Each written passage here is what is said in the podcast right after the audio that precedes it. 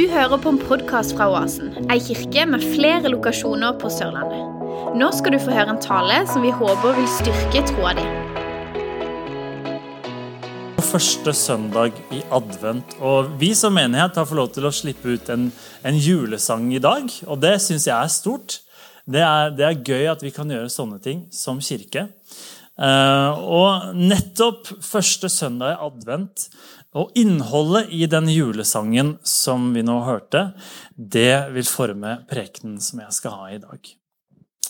Um, Tittelen på prekena det er 'Jord og himmel møtes'. Og Det synger vi i refrenget i denne sangen. Jord og himmel møtes, all tid smelter sammen i et navn, i en konge, i et amen. Det er litt ekstra gøy for meg å sitte og høre på den sangen her. Fordi i desember i fjor så fikk jeg en julekalender av min kone. Og Det var en aktivitetskalender der det sto forskjellige ting som vi skulle finne på forskjellige dager. Eh, den 6. desember i fjor så sto det eh, Eller jeg venter litt med å si det. fordi at jeg glemte å åpne den 6. desember. Jeg kom ikke på det før barna var lagt og klokka var ni på kvelden. Da kom jeg på at øy, den der julekalenderen den må jeg åpne. Jeg åpnet eh, luka, og der sto det 'Skriv en julesang'. Ja vel, ja. Så jeg tenkte ok, eh, det er seint, men eh, vi får hive oss rundt og skrive en julesang. Og da datt det ned en del bibelvers i hodet mitt med en gang. Eh, og, og det var bare et blunk, så var det ned på papiret. Eh, og så fikk jeg gleden av å skrive denne julesangen. Eh, og det var gjort bare på noen få timer. Og Jeg har lyst til å bare snakke litt rundt det som er innholdet i denne sangen. For det er et adventsbudskap. Eh, derfor så passer det så bra at vi har sluppet den sangen i dag. Fordi det er en adventssang. Jord og himmel møtes. Og det var nettopp det som skjedde da Jesus kom til verden. Og Vi skal lese hvordan Paulus skildrer det som skjedde, før vi hører hvordan Johannes skildrer det samme. Paulus beskriver Jesus og det som skjedde ved ham, som Guds viljes mysterium. Guds viljes mysterium. Og I Efeserbrevet 1.9-10 så forklarer han hva dette Guds viljes mysterium er for noe. Og Vi skal lese hva det er. Guds viljes mysterium. Å sammenfatte alt til ett i Kristus. Både det som er i himlene, og det som er på jorden i ham. Det er Guds viljes mysterium. Og Jeg prekte over det her når vi hadde Efeserbrevet-serien for noen uker siden. Så for noen så blir akkurat det her en liten repetisjon, men det tror jeg vi tåler. Men det er så fascinerende å se at det er nettopp dette som skjedde. At alt ble sammenfattet i Kristus. Både det som er på himmelen, og det som er på jorden. Fra det første menneskets syndefall så pektes det umiddelbart mot Jesus og en frelser som en gang skal komme, eller skulle komme. Gjennom tusener av år så forbereder Gud sitt folk på at de en dag skal kunne ta imot Messias. Og det pekes framover mot det som blir verdenshistoriens midtpunkt, nemlig at Gud selv kommer til jorden gjennom Jesus. Og i dag, 2000 år etterpå, hver eneste dag for oss som tror på Jesus, så peker våre liv tilbake igjen på det som skjedde for 2000 år siden med Jesus. Han er verdenshistoriens midtpunkt. Da er det heller ikke så rart at all tid er beregnet ut ifra når Gud kom til jorden. Før Kristus og etter Kristus. Det er som om all tid smelter sammen i navnet Jesus. Er ikke det fascinerende? Denne uka fikk jeg gleden av å teste nye E39. Er det mange som har prøvd eh, den, eller? Det høres ut som en sånn rollercoaster. Har du prøvd den, eller? Det går sjukt fort. Eh, men det gjør faktisk det. Den går ganske fort. Eh, I dag så brukte vi 20 minutter blank fra Oasen Mandal til Oasen Søgne. Eh, det er en ny personlig rekord, det. By far. Men det er en, det er en vei vi har venta lenge på. Når jeg kjørte den for første gang på tirsdag, så ble jeg litt skuffa over hvor fort den Tysfjordbrua gikk. Plutselig så det, det, som var høydepunktet, det var over. Eh, mens jeg kikka ned på speedometermåleren, på en måte, så var den ferdig. Eh, så det gikk fort. Jeg fikk ikke helt med meg utsikten osv. Eh, men det var likevel en opplevelse. Og litt sånn er det med Jesus òg. Han er på mange måter den nye E39 mellom himmelen og jorden. Ikke sant? Noen sammenligninger er gode, andre er ikke fullt så gode. Men vi står i det. Sånn som Trysfjordbrua da kobler Mandal og Søgne sammen på mange måter, så blir Jesus selve brua som kobler himmelen med jorden. Ikke sant? Det er ikke så tullete. Eh, som Paulus skrev, han sammenfatter erstatter det som er i himmelen, med det som er på jorden. Og han åpner veien til Gud for alle mennesker til å gå over Jesus, egentlig. Som et offer som gjør det mulig å komme seg til den andre siden. Som en bro som gjør at vi kan komme til Gud. Og det er en veldig kort bro. Det handler egentlig bare om å ta imot Jesus, be en frelsesbønn. Og vips, så var man over på den andre siden.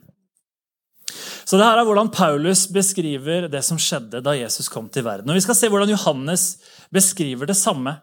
Og Da skal vi lese Johannes kapittel 1, vers 1-3 og vers 14. Henger du med så langt? Ja, så bra. Der står det I begynnelsen var Ordet, og Ordet var hos Gud, og Ordet var Gud. Han var i begynnelsen hos Gud. Alt ble til ved ham, og uten ham ble ingenting til av det som ble til. Ordet ble kjøtt og tok bolig iblant oss.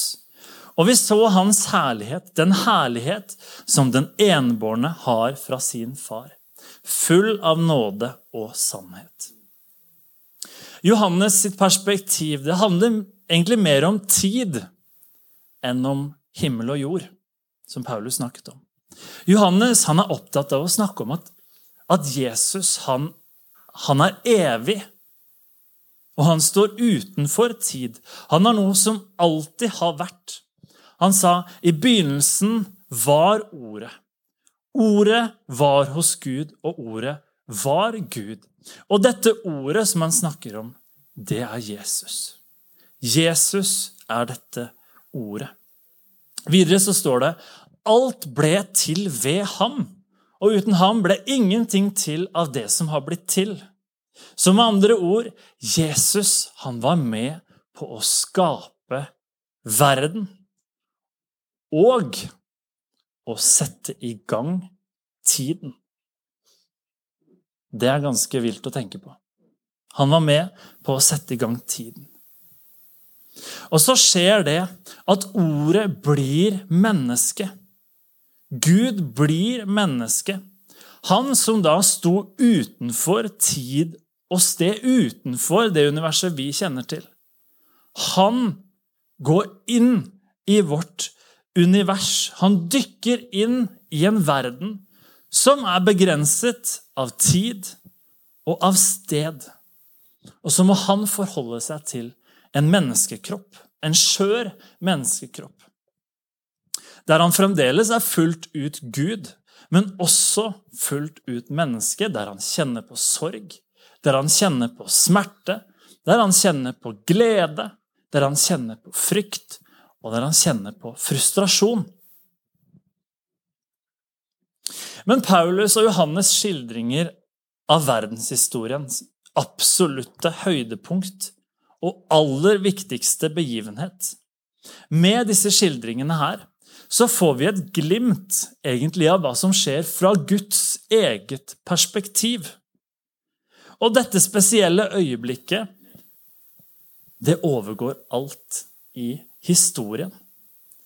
Faktisk så er det to univers som møtes. Det er Guds univers, han som står utenfor vår, vårt univers. Han, Guds univers og natur beveger seg inn i det skapte universet med dens natur. Naturlover og begrensninger. Men ikke nok med det. Det står i The Message-versjonen av Johannes 1,14, som vi leste i stad. The word became flesh and moved into our neighborhood. Så han beveget seg ikke bare inn i et nytt univers, men han beveget seg inn i et nabolag. Han flyttet inn i en kultur med sine begrensninger og snevre verdensbilde. Han flyttet inn i en familie med sin forståelse av samfunnet, med sin forståelse av Gud, av loven og av historien. Og han kom ned til verden i en stall, i en krybbe med halm, som egentlig var dyrenes matfat. Nå er plutselig han som sto utenfor universet, som hadde et metaperspektiv, steget inn i vår verden til et mikronarrativ. Men dette her, det er ikke de eneste verdenene som møtes denne kvelden i Betlehem. Noen velstående vismenn fra Østerland, som kjente de jødiske skriftene, skal snart få et møte med en fattig familie som har båret fram Guds sønn, en ekte konge. Helt tilbake i Mosebøkene så finner vi noen veldig konkrete profetier på denne dagen. Og Vi skal lese i 4. Mosebok, kapittel 24, ehm, vers 17. Og det her det er fra Moses' tid. Moses er sammen med israelsfolket ute i ørkenen. Og Biliam Det er en fin historie. Vi går ikke inn på den, men Biliam han hadde et syn. Og vi skal lese det. Det står 'Jeg ser ham, men ikke nå'. 'Jeg skuer ham, men ikke nær'. En stjerne stiger opp fra Jakob. En kongsstav løfter seg fra Israel. Så jeg ser ham. William så ham, men ikke nå. Han skuet ham, men ikke nær. En stjerne stiger opp fra Jakob, en kongstav løfter seg fra Israel. For en utrolig presis profeti på hva som skulle komme. Og det her det var flere tusen år før denne kvelden som vi kjenner så godt. Er ikke det stilig? Og budskapet er allikevel kjempetydelig. En stjerne stiger opp fra Jakob. Altså, en frelser er på vei, og han kommer fra jødene. Det er det han sier. Dette er både en profeti på Jesus og på Betlehemstjernen på samme tid. Du vet, Når Gud selv entrer verden, så skjer det på en måte veldig spinkelt, veldig enkelt og veldig skjørt i en liten stall. Men samtidig så skjer det med at han beveger planetene, sånn at en stjerne i himmelen står over akkurat der hvor det skjer. Igjen, han som skapte hele universet, har entret verden. Og for de mest vitenskapelige av oss, som kanskje ikke tror at Gud flytta på noen stjerner den dagen Det er da kanskje enda mer utrolig å tenke på at Gud timet stjernenes fart og tempo og bane allerede før mennesket ble til, for å sammenfatte akkurat med denne kvelden. Så denne stjernen sto over Betlehem. Uansett så har det blitt født en frelser som også selv har makten over universets stjerner. For noen kontraster som skjedde den kvelden. Og Vi kan lese et lite utdrag om vismennene fra Matteus 2, 9-11. Da de altså vismennene fra Østerland, hadde hørt på kongen, det her var kong Herodes, dro de av sted og se stjernen som de hadde sett i østen, gikk foran dem til den sto over det stedet hvor det lille barnet var. Da de så stjernen, ble de fylt med jublende glede. Da de var kommet inn i huset, så de det lille barnet sammen med sin mor Maria, og de falt ned og tilba ham. Da de hadde åpnet skattene sine, bar de fram gaver til ham gull, røkelse og myrra. Stjernen som hadde vært underveis i flere tusen år, den lyste nå over Frelseren, stjernen fra Jakobs stamme. Stjernen som Biliam skuet i det fjerne på Moses tid, som ble til oppmuntring til hele jødefolket som vandret rundt i ørkenen. De hadde endelig blitt fri fra slaveriet i Egypt, og i sin ørkenvandring får de ordene fra Gud om at en stjerne er på vei. Det kommer en Messias gjennom dette folket. Noe av det som jeg gleder meg mest til i jula, det er å lese juleevangeliet. Nei, det er ikke alltid det. Det er, det er, ikke alltid det. Jeg må bare si det sånn at jeg er veldig glad i gaver. Eh, så jeg gleder meg veldig mye til gavene da, på julaften. Um, og ehm, det er jo kanskje litt sånn umodent av meg å gjøre det og si det, men sånn er det nå bare. Jeg gleder meg veldig til det. Um, jeg gleder meg såpass mye faktisk, at eh, jeg har en eh, julegaveønskeliste.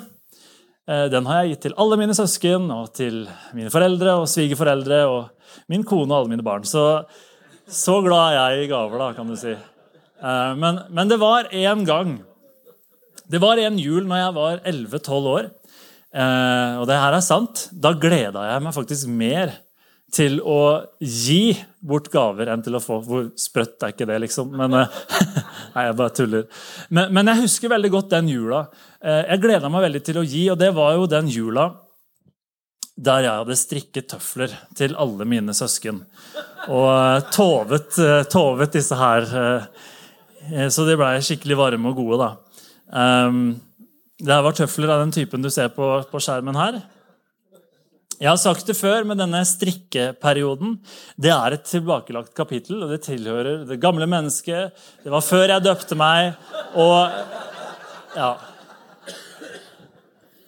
Det har ikke skjedd mange ganger at jeg havna ut på kjøret igjen. Strikkekjøret. Eh, så det er på en måte et tilbakelagt eh, kapittel. da. Bare så det er sagt. Men det her var en gave som jeg hadde planlagt lenge. Jeg hadde brukt mange timer, flere kvelder. Jeg hadde sittet, Ser du for deg en 11-åring sitte hjemme og strikke på kveldene? Det, ja, ja. Ehm, jeg hadde brukt lang tid på det her, og jeg gleda meg skikkelig da, til å gi disse gavene til mine søsken. Eh, nå kan ikke det her egentlig sammenlignes helt, men den, igjen en litt dårlig sammenligning, men, men den gaven som Gud ville gi oss gjennom Jesus, den var så planlagt så til de fingerspissene plassert og regissert i historien. Til å bli en mektig, spektakulær og likevel så jordnær og livsnær hendelse som du bare kan tenke deg. God moved into the neighborhood. En liten side note. I denne perioden av livet når strikking det var min lidenskap, så hadde jeg én favorittbutikk. Og jeg tuller ikke, den het, den het Bogerud. Eh, det fins én butikk av den i Norge. Det var der. Eh, de selger to ting. Garn og undertøy til gamle damer. og bare for å bare presisere det Det var kun garnet som var av min interesse, da. Eh, Vismennene de visste om denne stjernen. Men det var noen andre som hadde båret lengselen etter denne stjernen i sitt hjerte gjennom flere tusen år, nemlig jødene. Og noen gjetere på marken de fikk gleden av å være de første på barselbesøk. Og Vi skal lese en siste skildring av det som skjedde denne natten, nemlig hvordan dette opplevdes for gjeterne på marken. Lekfolket på marken. Vi leser Lukas 2, vers 8-14. Nå var det noen gjetere på det stedet som oppholdt seg ute på markene og holdt vakt over flokkene sine om natten. Og se, en Herrens engel sto foran dem. Herrens herlighet strålte rundt dem, og de ble skrekkslagne. Da sa engelen til dem, Vær ikke redde, for se, jeg forkynner dere en stor glede som skal bli til hele folket, som skal bli hele folket til del. I dag er det født dere en frelser i Davids by. Han er Kristus, Herren. Dette skal dere ha til tegn. Dere skal finne et barn svøpt i lintøy som ligger i en krybbe. Straks var en skare av den himmelske hær sammen med engelen, og de priste Gud og sa ære til Gud i det høyeste, og fred på jorden, Guds velbehag blant menneskene. Når det fødes et nytt menneske i noen av kongefamiliene i Europa, så kommer det gjerne en kunngjøring av faren senere samme dag eller dagen etter. Om at en ny prins eller en ny prinsesse eller en ny tronarving er født. Her gjør Gud det samme. Og siden han ikke kan sende Jesus til denne oppgaven, så sender han en engel til å dele budskapet, dette fantastiske budskapet. Og engelen sier, i dag er det født dere en frelser i Davids by. Han er Kristus, Herren. Her kommer kunngjøringen fra Gud om at den nye kongen er født. Levert av en engel. På marken for helt vanlige mennesker. Sauegjetere. Du skjønner det at Jesus han kom for å frelse helt vanlige mennesker. Han kom også for å frelse de som er litt spesielle. Men han kom i hovedsakelig for helt vanlige mennesker. Med sine nykker, med sine vanligheter og rariteter. Han kom for å frelse hver eneste.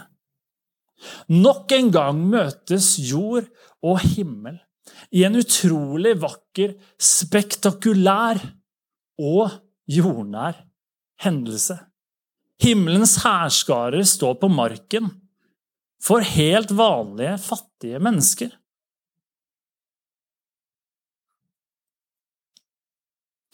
Og det er én ting som står i deres respons til det som skjer denne kvelden. Ære.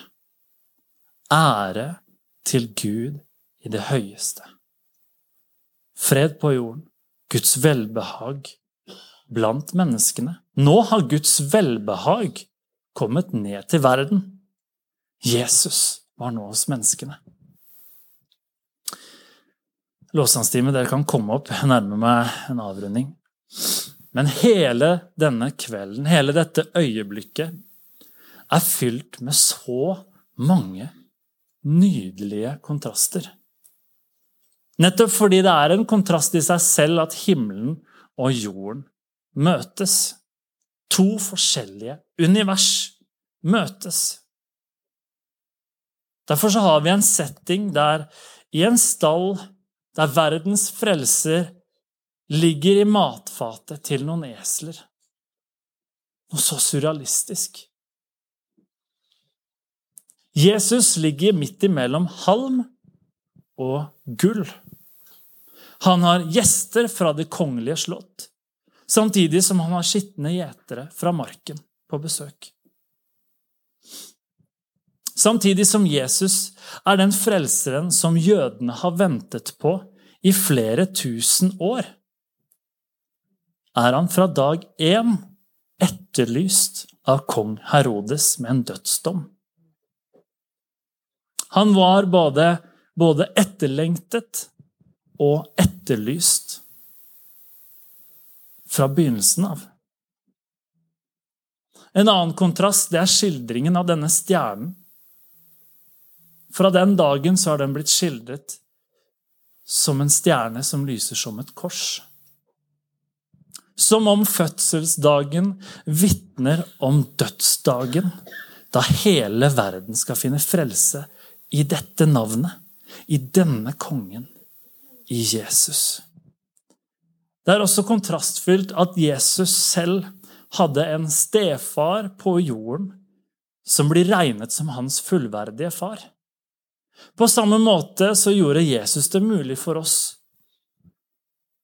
å få Gud i himmelen som vår fullverdige stefar. Jord og himmel møtes. I dag er det første, første søndag i advent, og vi minnes ventetiden som jødene hadde. Ventetiden på at den stjernen som de skuet i det fjerne, en dag skulle komme nær. Heldigvis for oss så trenger ikke vi å vente flere tusen år. Men likevel så blir vi hver dag dratt tilbake 2000 år til det som skjedde gjennom Jesus. Han som sammenfattet himmelen og jorden i seg. Guds viljes mysterium. For gjennom han kunne alle mennesker finne frelse. Og vi bøyer i dag våre knær og synger ære, ære til ham, som elsket oss så høyt, som kjøpte, kjøpte oss fri med sine liv, så vi kunne vandre over ham som en bro til himmelen. Takk for at du lytta til vår podkast. I Oasen har vi et kreativt, positivt og attraktivt miljø der vi drømmer om å se mange sunne menigheter. Ta gjerne kontakt med oss via vår nettside eller sosiale medier. Ha en velsigna dag.